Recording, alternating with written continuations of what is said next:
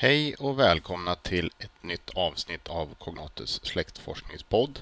Det är trettonde i ordningen. Det har gått några månader sedan jag släppte något avsnitt men eh, nu så tänkte jag försöka få upp farten igen. Det senaste avsnittet jag spelade in var ju i mitten på mars och det har ju hänt en hel del sedan dess. Bara för ett par helger sedan så var ju årets släktforskardagar i Umeå. Jag hade tyvärr inte möjlighet att närvara själv så att jag är lite nyfiken på vad folk tycker om årets arrangemang. Vad hände?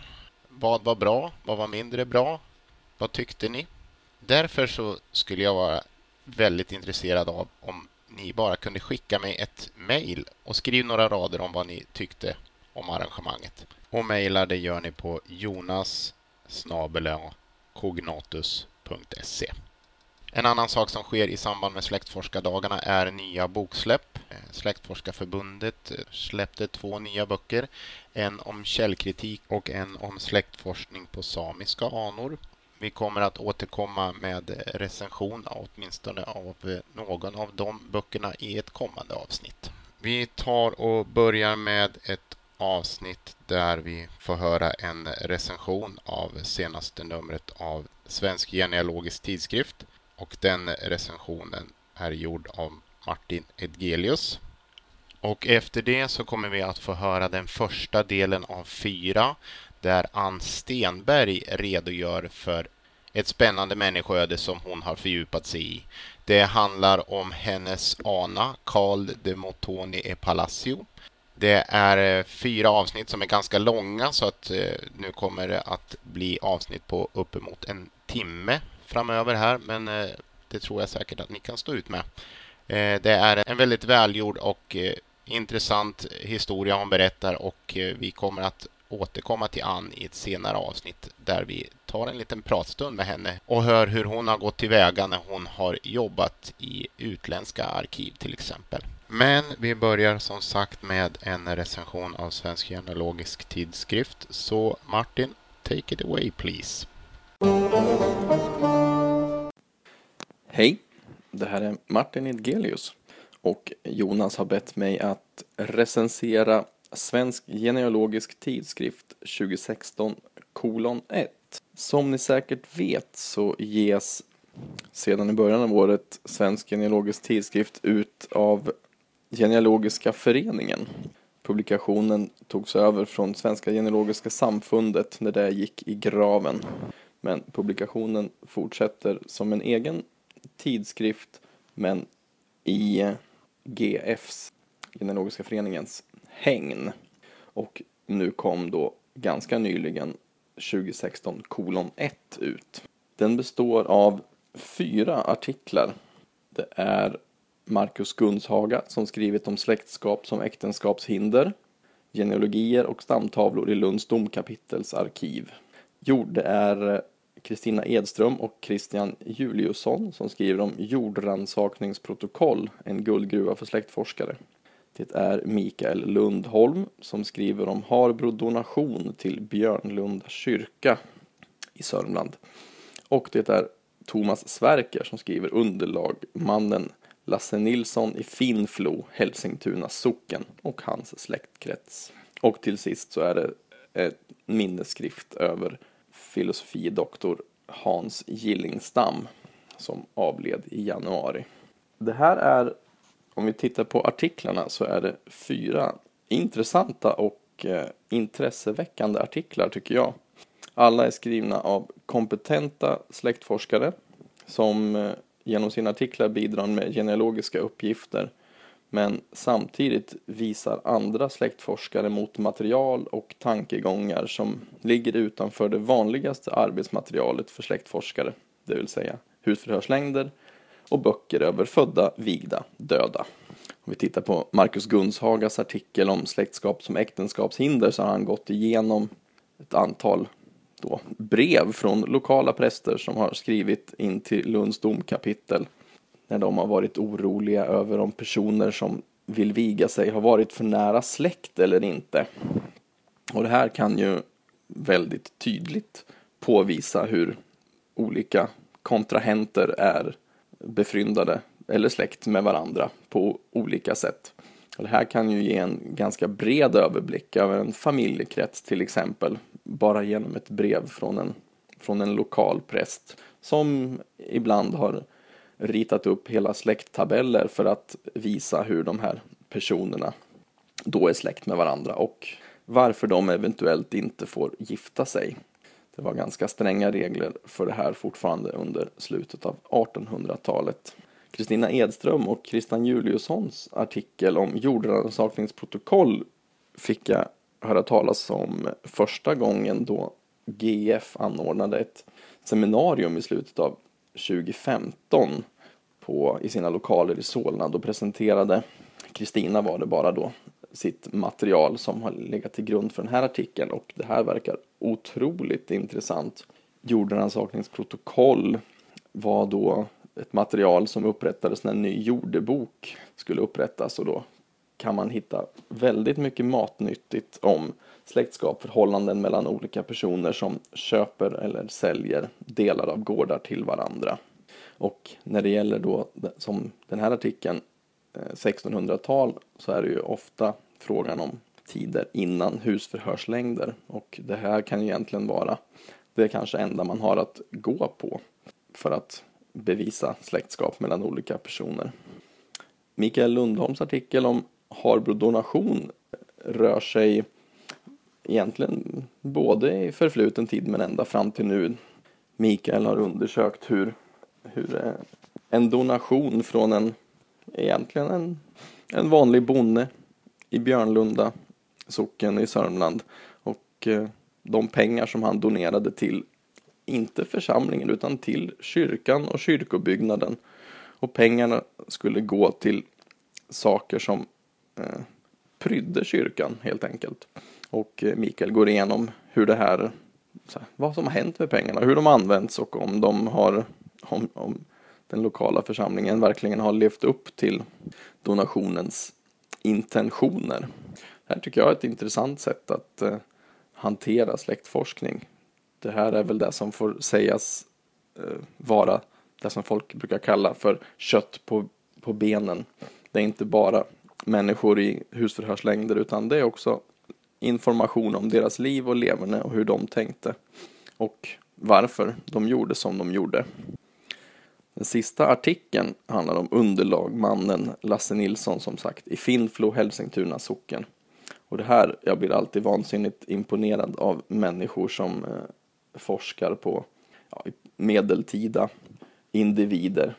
Och att det faktiskt är fullt möjligt, förutsatt att personerna uppbär en viss ställning i samhället, att eh, forska på dem, att ta reda på deras släktskapsförhållanden genom, genom domböcker och andra handlingar.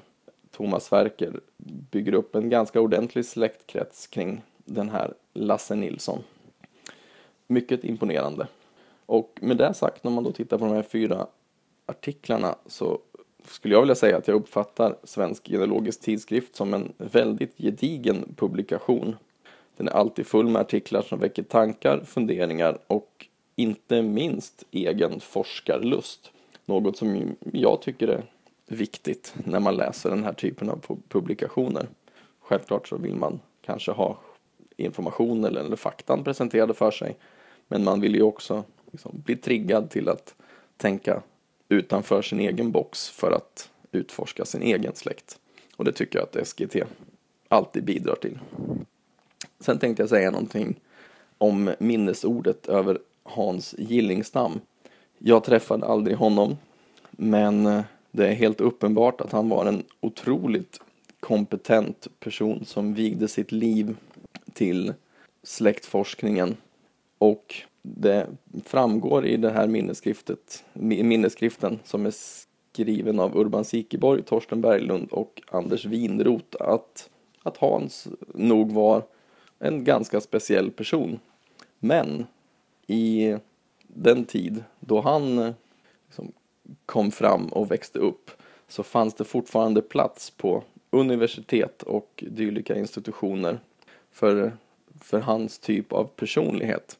Och jag är lite rädd för att de får allt svårare att göra sig gällande på dagens forskningsinstitutioner och eh, universitet och högskolor. Vilket såklart är synd. Om man bara tittar på Hans Gillingstam så producerade han vad som tusentals artiklar och god genealogisk forskning. Något som man troligtvis inte hade haft möjlighet att göra om man inte hade jobbat där han, mm, jobbat där han gjorde och haft liksom, de möjligheterna. Så jag hoppas att det även i framtiden kommer komma fram nya Hans Gillingstammar på de svenska universiteten och högskolorna. Men jag är tyvärr inte så säker. Det var vad jag hade att säga om Svensk genealogisk tidskrift 2016 kolon 1. Tack! Vi tackar Martin för den recensionen och är det så att ni är intresserade av att prenumerera på Svensk genealogisk tidskrift så vet ni säkert om att ni letar er in på Genealogiska föreningens hemsida och den hittar man på genealogi.net. Vi går raskt vidare med Ann Stenbergs första avsnitt i serien om Carl de Motoni e Palacios liv.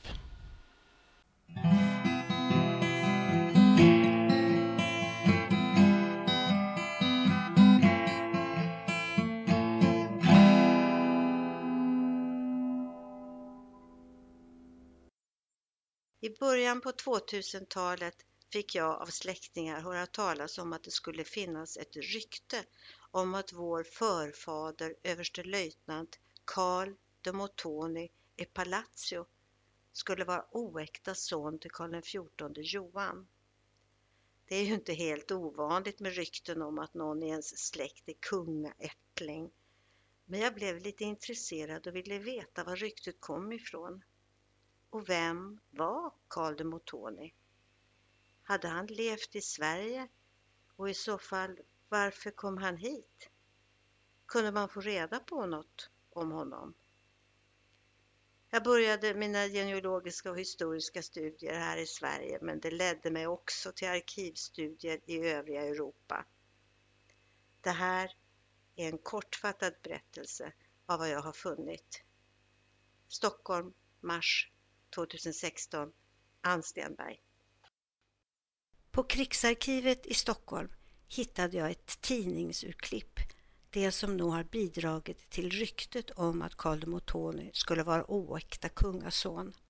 Där står Överste Motoni, utlänning, en av Karl XIV Johans gunstlingar, för detta officer vid det för kriget i Norge uppsatta regementet Royal Suédoise, skulle enligt allmän sägen varit son av nämnde konung och en italiensk klockarfru. Den här artikeln är skriven av Nils av Rosensköld som skrev i 1800-talets skvallerpress. Nej, Karl de Motoni var inte son till Bernadotte, Karl XIV Johan. Karl de Motoni föddes i Ofen, det vill säga i Budapest, den 13 augusti 1790. Hans pappa Benedikt de Motoni var född och uppvuxen i Wien och hade 1785 gift sig med den kungliga styckmästarens dotter Anna Maria Sipel i Stefansdomen i Wien.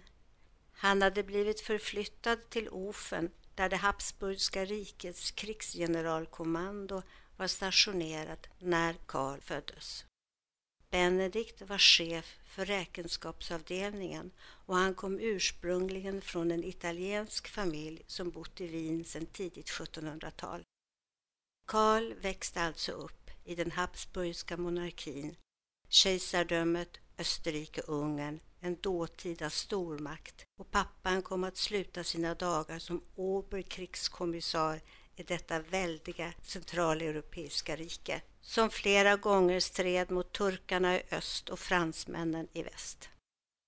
Det Habsburgska riket var inte ett land utan bestod av löst sammanbundna provinser i form av hertigdömen, grevskap, arvskungariken och andra världsliga och andliga provinser. Varje sån provins styrdes enligt egna lagar och traditioner.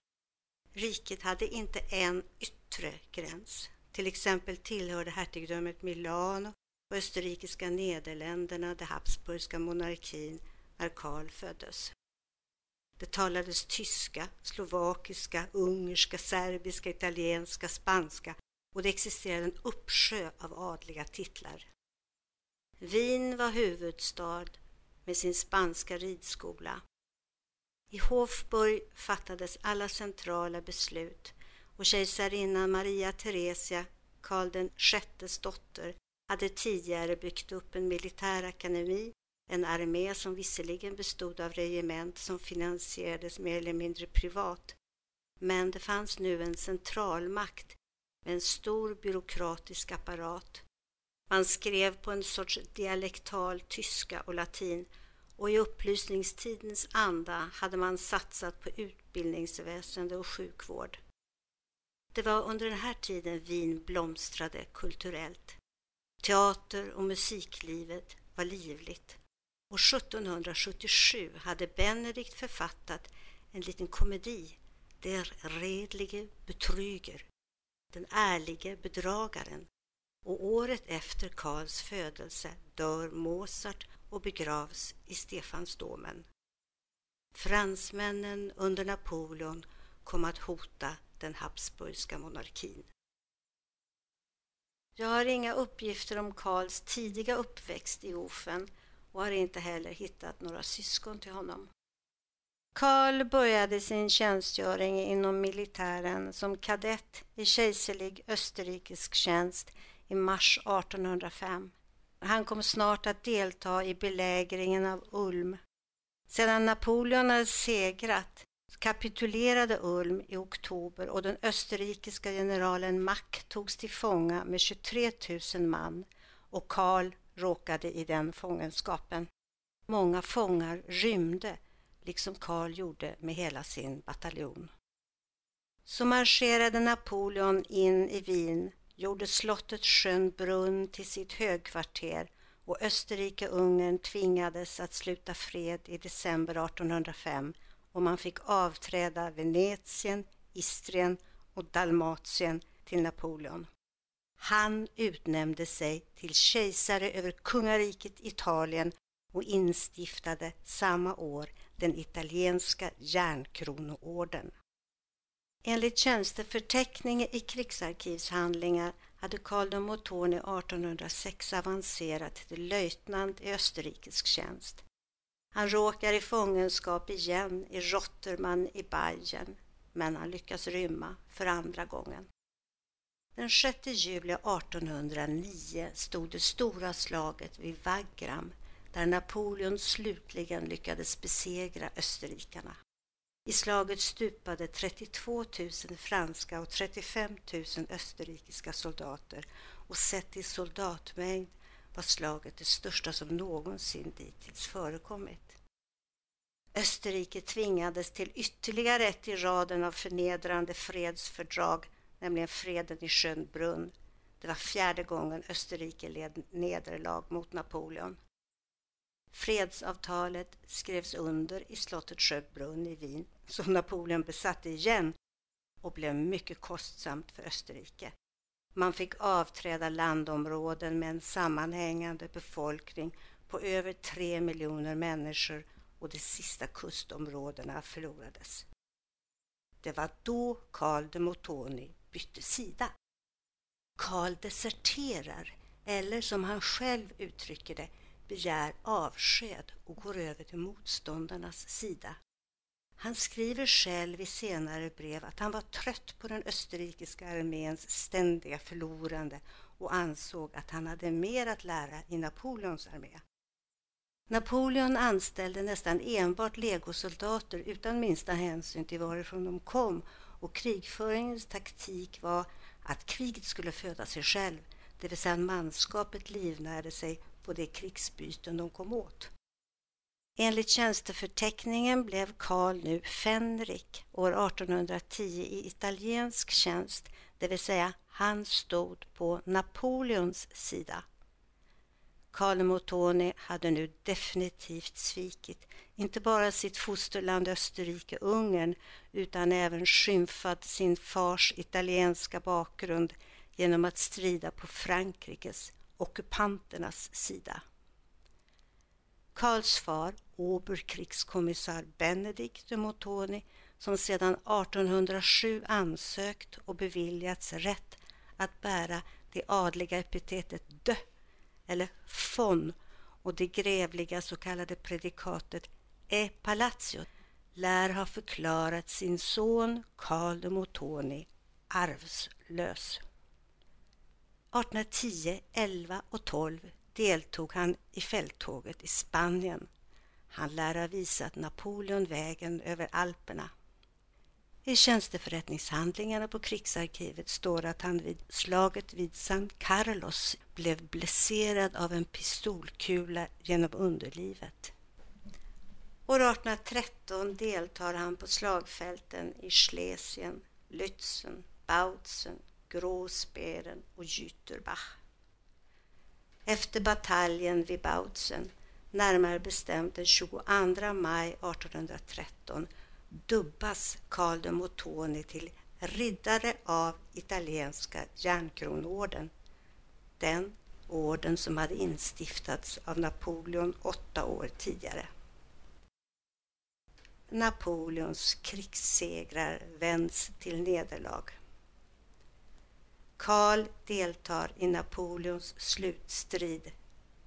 Det första stora slag han förlorade och början på Napoleons fall. Vid slaget vid Leipzig 16 till 19 oktober 1813 slogs hela Europa mot Napoleon, även marskalk kronprins av Sverige Jean Baptiste Bernadotte. Carl de Montone skriver själv senare att han 1813 hade svårt att strida mot sina landsmän, det vill säga Österrike-Ungern, och därför övergav Napoleons armé och gick över till motståndarna redan under slaget vid Leipzig. Det är oklart vilket regemente Karl de Montone tillhörde, men Motones egen uppgift motsäger inte det faktum att många som slogs på Napoleons sida deserterade natten till den 19 oktober då man redan på eftermiddagen insåg att Napoleon förlorat huvudslaget. Till exempel ett saxiskt regemente vände kanonerna 120 grader mitt under strid. Slaget vid Leipzig blev ökänt blodigt. Hur som helst står Karl de Montoni nu på de förlorades sida och han kan inte återvända till sitt fosterland. Direkt efter slaget vid Leipzig står överlevande soldater och befälhavare i Napoleons armé utan hemvist, utan inkomst och tillhörighet och på plats rekryteras befintlig manskap. Där rekryterades Karl till ett av Bernadotte nyupprättat regemente som kom att heta Royal Suédoise. Jean-Baptiste Bernadotte hade själv, precis som Carl de Montoni, slagits på Napoleons sida tidigare, varit fransk ambassadör i Wien och fransk guvernör över Venetien, men brutit med Frankrike och Napoleon 1809. Svensken greve Gustav av Wetterstedt hade deltagit i fälttåget i Tyskland och han hade introducerat Karl-Henrik Röslein för kungen. Han kom från en handelsfamilj, talade franska, kände Carl Otto Mörner, han som hjälpt till att rekrytera marskalk Jean-Baptiste Bernadotte som blivande kung i Sverige. Och alla dessa tre, Wetterstedt, Röslein och Mörner, kom Montoni att ha mer eller mindre nära kontakt med under sitt liv. Regement Svedoas var stationerat i en garnison i Wolgast i svenska Pommern och bestod mest av fransmän och italienare. Och i november noteras Chevalier Montoni skickas till garnisonen i Lübeck som då tillhörde Sverige. Chef för bataljonen var greve Gabriel de Montrichard, en fransk emigrant, men kronprinsen Bernadotte övertog själv ledningen. Enligt revisionsprotokoll hade Motoni rätt att få lön som tjänstgörande bataljonschef då Montrichard åtskilliga gånger varit kommenderad att tjänstgöra utanför regementet. Man hade sedan kriget i Tyskland svårigheter att få sina uniformer reparerade och lika utförda för alla meniga. Blått kläde och bomullstyg beställdes från Lübeck. 1814, den 2 januari, utsågs Carl de Mottoni till major och han undertecknar samtliga ekonomiska handlingar som rör manskapets uttag av persedlar. Vintern 1814 förlorar Sverige Lübeck till Danmark men regementet är kvar där och underställs svensk lag och till tillförordnad befälhavare för den första bataljonen utnämns den 23-årige Carl de Motoni. Regementet överförs i maj samma år till Ystad och den 12 juli undertecknar Karl fullmakt och lönevillkor som första major vid regementet Royal Suédoise. Karl XIV Johan pressar Danmark att i utbyte mot bland annat Svenska Pommern få Norge och inleder då det norska fälttåget. Truppen med Karl de Montoni som befälhavare drar sig i juni till Göteborg och Kungälv för att under sommaren delta i det norska fälttåget. Man saknar proviant, har disciplinproblem och fortsätter till Strömstad och Svinesund men deltar egentligen obetydligt i det norska fälttåget. Kompaniet får order om att delta i belägringen av Fredriksten men hinner inte fram. Efter krigets slut förlades regementet till Göteborg men blev formellt upplöst 23 december 1814. Motoni undertecknar besiktnings och mönstringsruller och under sitt namn skriver han major och konungens befallningshavare. Motoni begär och får stanna i Sverige och Rösland skriver på handlingen som innebär att Motoni får samma lönevillkor som övriga svenska officerare. Rösland arbetar nu direkt under kungen. Royal Suédoise upplöses som regemente och införlivas med kungens eget regemente 1815 och i april infinner sig Karl i Stockholm där han begär att få sin lön, det vill säga 830 riksdaler banco per år. Och han begär samtidigt att bli placerad på stat, det vill säga enligt ett statligt reglerat lönesystem för militärer, vilket beviljas honom. Under Karls tid i Lübeck har han träffat Antoinette Katarina Sofia Schön. Hon är fem år yngre än Karl och dotter till vinhandlaren och grosshandlaren på Königstrasse, Hans Henrik Schön. Sista augusti 1815 ingår Karl äktenskap med Antoinette i Katarinakyrkan i Lübeck. Äktenskapskontrakt upprättades enligt tidens sed. Där brukade stå i punktform vilka skyldigheter mannen och kvinnan hade i äktenskapet, inte minst anges ekonomiska skyldigheter. Oktober 1815 anhåller Karl om att med bibehållen lön få vistas utomlands under ett år, vilket beviljas honom. Tidningarna på den tiden hade bra koll på var människor befann sig för redan i november 1815 så står det noterat i Giornale Italiano att den svenska majoren Mottoni hade kommit till Wien från Stralsund och han var på väg att resa till Milano. Enligt personliga brev reser Karl tillsammans med Antoinette efter bröllopet just till Wien för att besöka Karls farbror Frans de Mottoni som Karl vill ska medla mellan Karl och hans far Benedikt.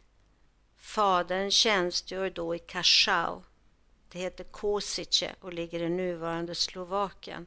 Och hur det gick med medlingen, det vet jag inte. Men Karl reser till sin födelsestad Ofen, möjligen för att skaffa sig någon form av födelsebevis för att hävda sin rätt till adelskapet som enligt adelsbrevet är ärftligt. Hur som helst, så lär Karl därefter ha använt sig av grevetiteln men det berättigade inte honom att tillhöra den svenska riddarhusadeln.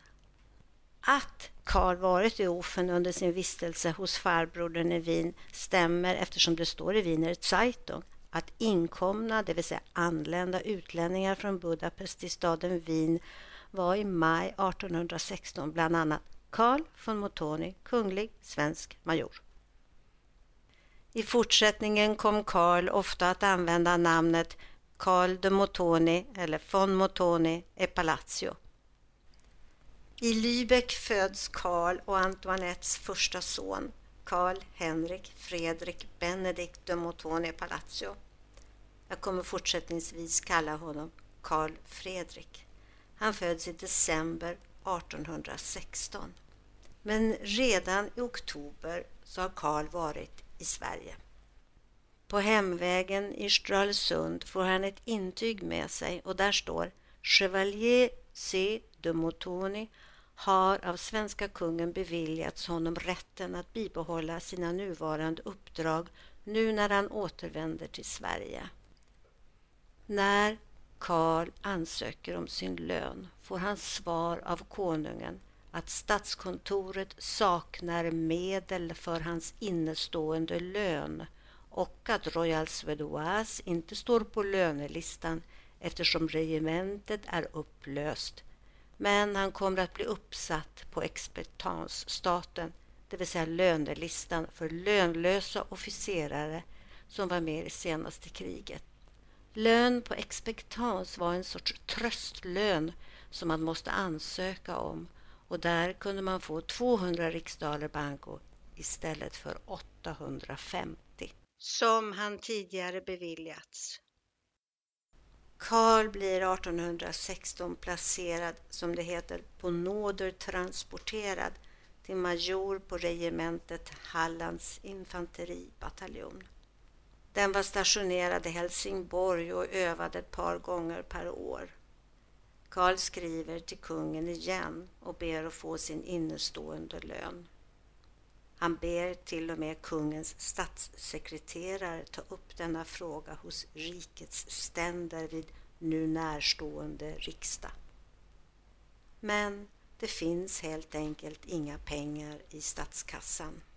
Karl var inte den enda som begärde sin rättmätiga lön. Hösten 1817 finns Karl noterad inflyttad i Salem, Ormsätra rote på Högstubbs gård tillsammans med sin hustru och sonen Karl Fredrik. De är inflyttade från Stockholm och sannolikt har de en kort tid bott hos Annette Sjöns farbror som hade en våning på Storkyrkobrinken Gården Högstorps ägs av honom, en Peter Schön, känd, levnadsglad, förmögen grosshandlare. Han tillhörde den så kallade skeppsbroaden och sedermera brukspatron och var gift med den omåttligt populära italienska dansösen Giovanna Bassi. Antoinette hade med sig en tysk amma och en svensk piga när de flyttade till Högstorp men snart flyttar de till Rönninge gård som också ägs av Schön och i Salems kyrka döps den andra sonen i november 1818, Ludvig Johan Peter Viktor. Det är Viktor han kommer kallas. Karl vistas inte så mycket på Högstorp eller i Rönninge, i varje fall inte under veckorna. Han kommer till helgerna, för i veckorna är han i Stockholm. Han försöker skaffa sig en försörjning. Han lär ha varit adjutant till kungen under den här tiden.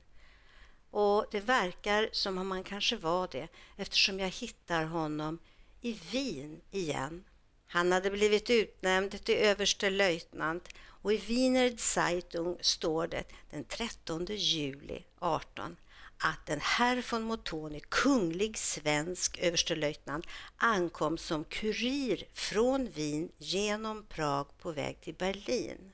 I baron Palmstiernas samlade handlingar hittade jag en notering.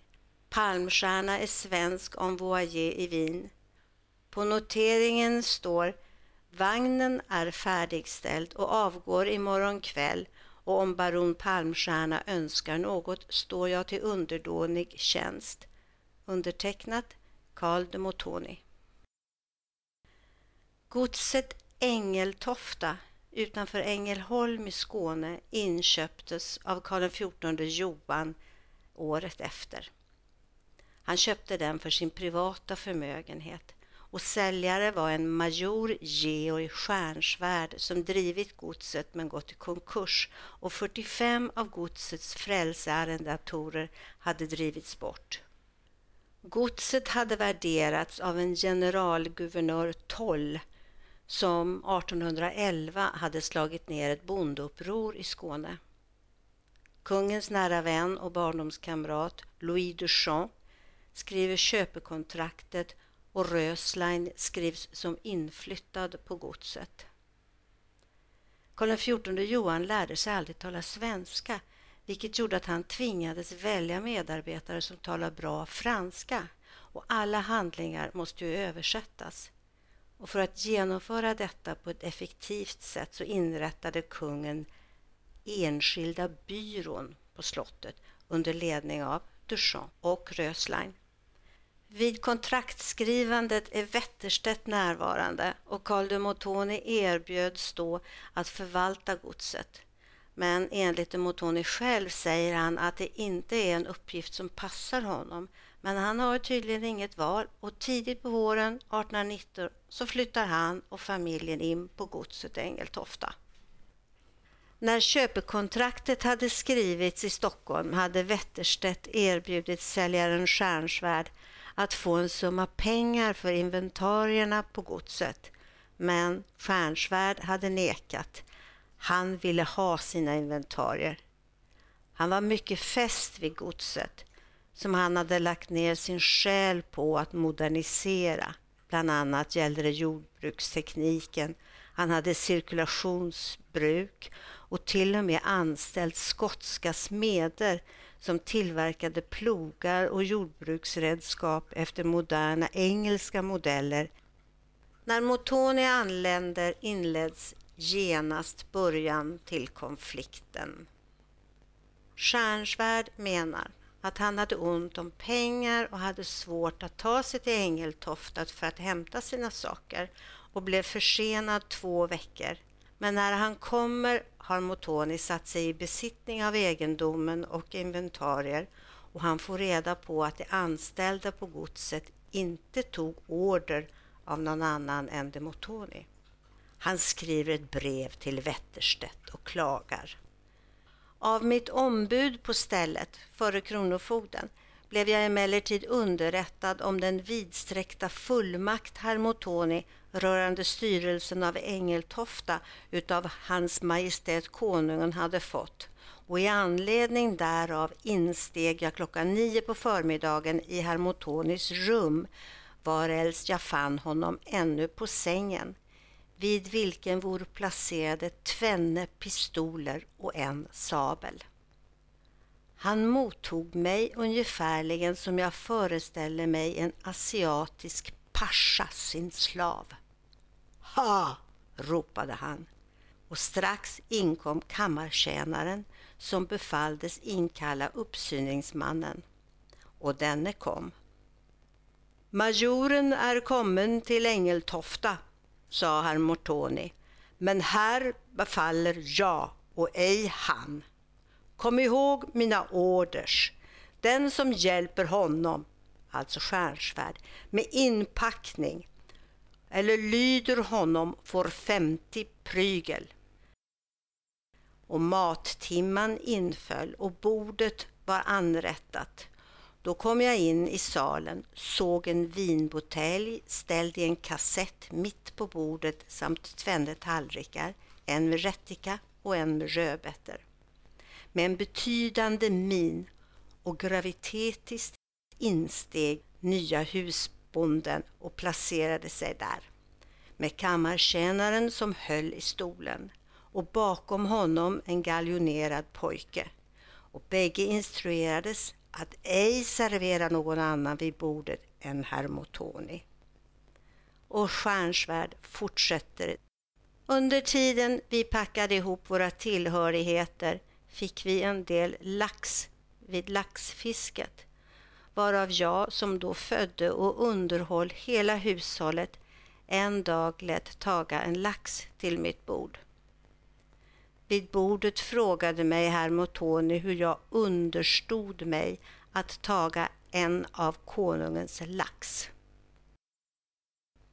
Stjärnsvärd kommer under hela sitt liv aldrig att förlåta Motoni och till sin död 1825 skriver han artiklar om jordbruksteknik men också tidningsartiklar om hur illa Motoni skött Engeltofta och han lär ha utmanat Motoni på duell. Det var förbjudet att duellera på den här tiden.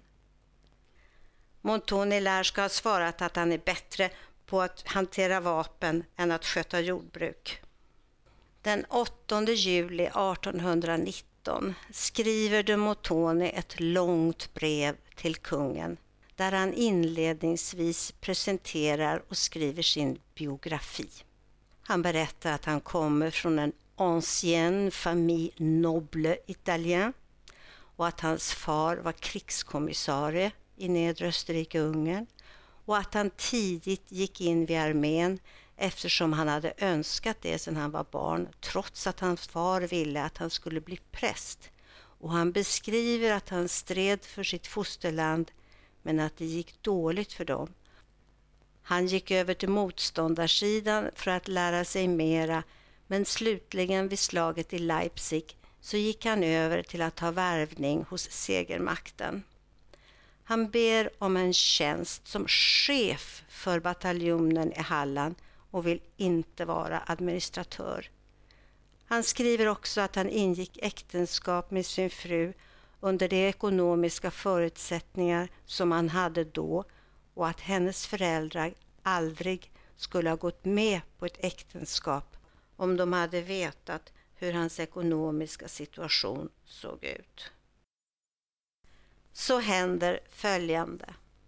På hösten inställer sig general Hedenstierna på Ängeltofta på uppmaning av herr statssekreterare och advokatfiskal i kammarrätten liksom landssekreterare i Skaraborgs län, baron Ehrenborg. Då hade Motoni sedan fyra dagar varit avrest till Stockholm och Hedenstierna träffar bokhållaren på Ängeltofta liksom ladugårdsfogde och några andra av gårdsfolket och förhör sig med dem. De berättar att överstelöjtnanten befallt att en pojke som arbetat på gården skulle husagas.